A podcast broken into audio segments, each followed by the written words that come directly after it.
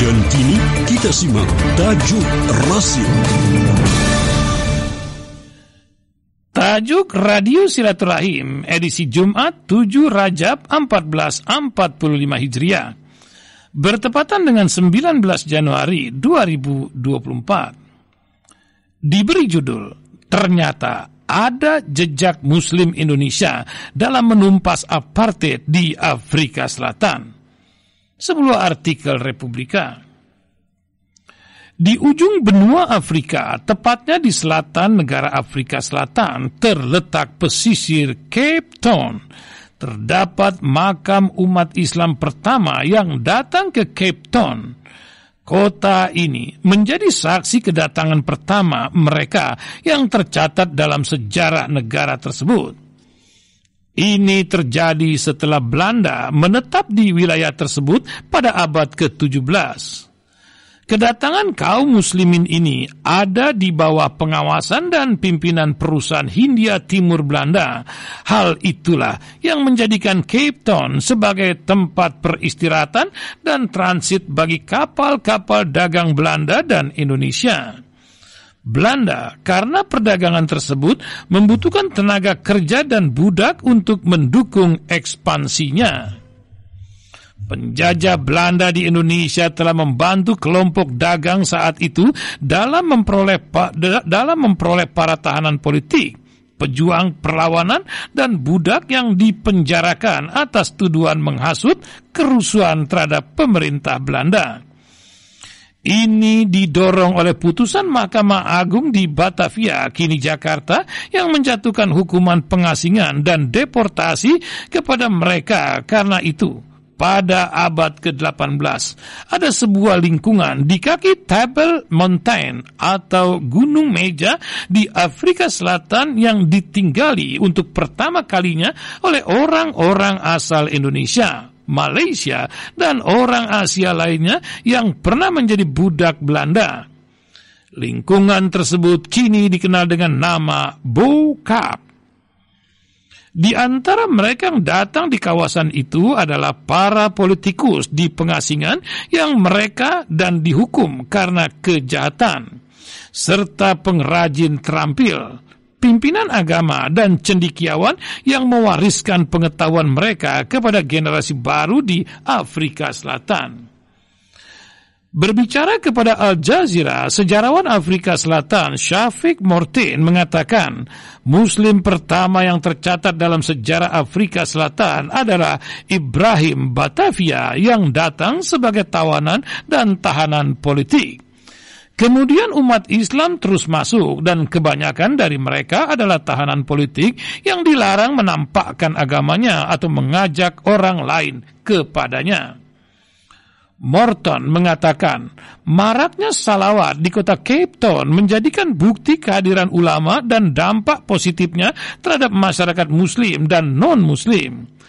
Makam mereka masih ada dan dirawat sebagai pengingat terhadap sejarah dan tonggak hidup mereka.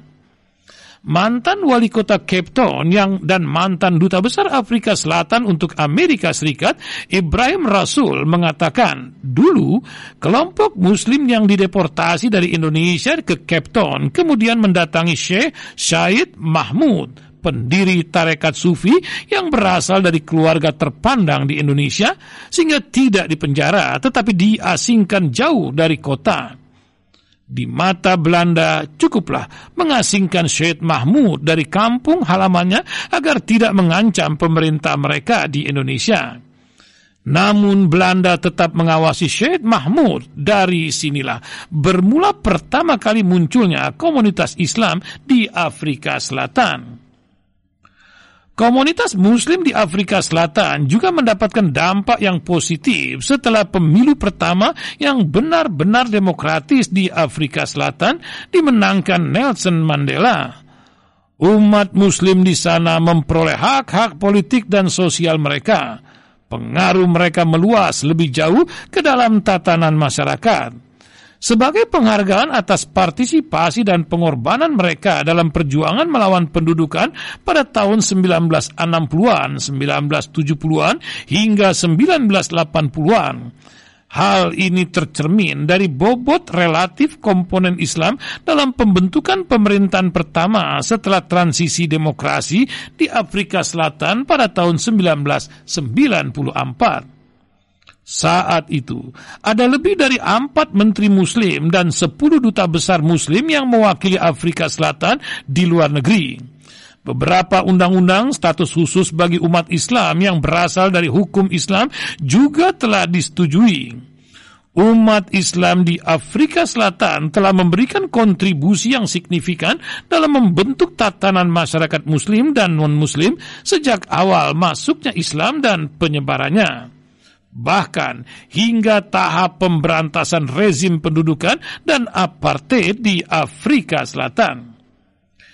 Direktur Yayasan Imam Harun Kasim Khan menyampaikan salah satu simbol masa perjuangan yang paling menonjol bersama dengan masyarakat lainnya adalah Imam Abdullah Harun.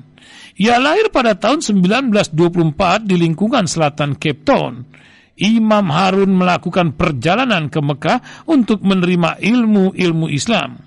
Ia dianggap sebagai salah satu simbol perjuangan Islam melawan rezim apartheid partisipasi umat Islam di Afrika Selatan dalam perjuangan melawan apartheid telah melampaui skalanya.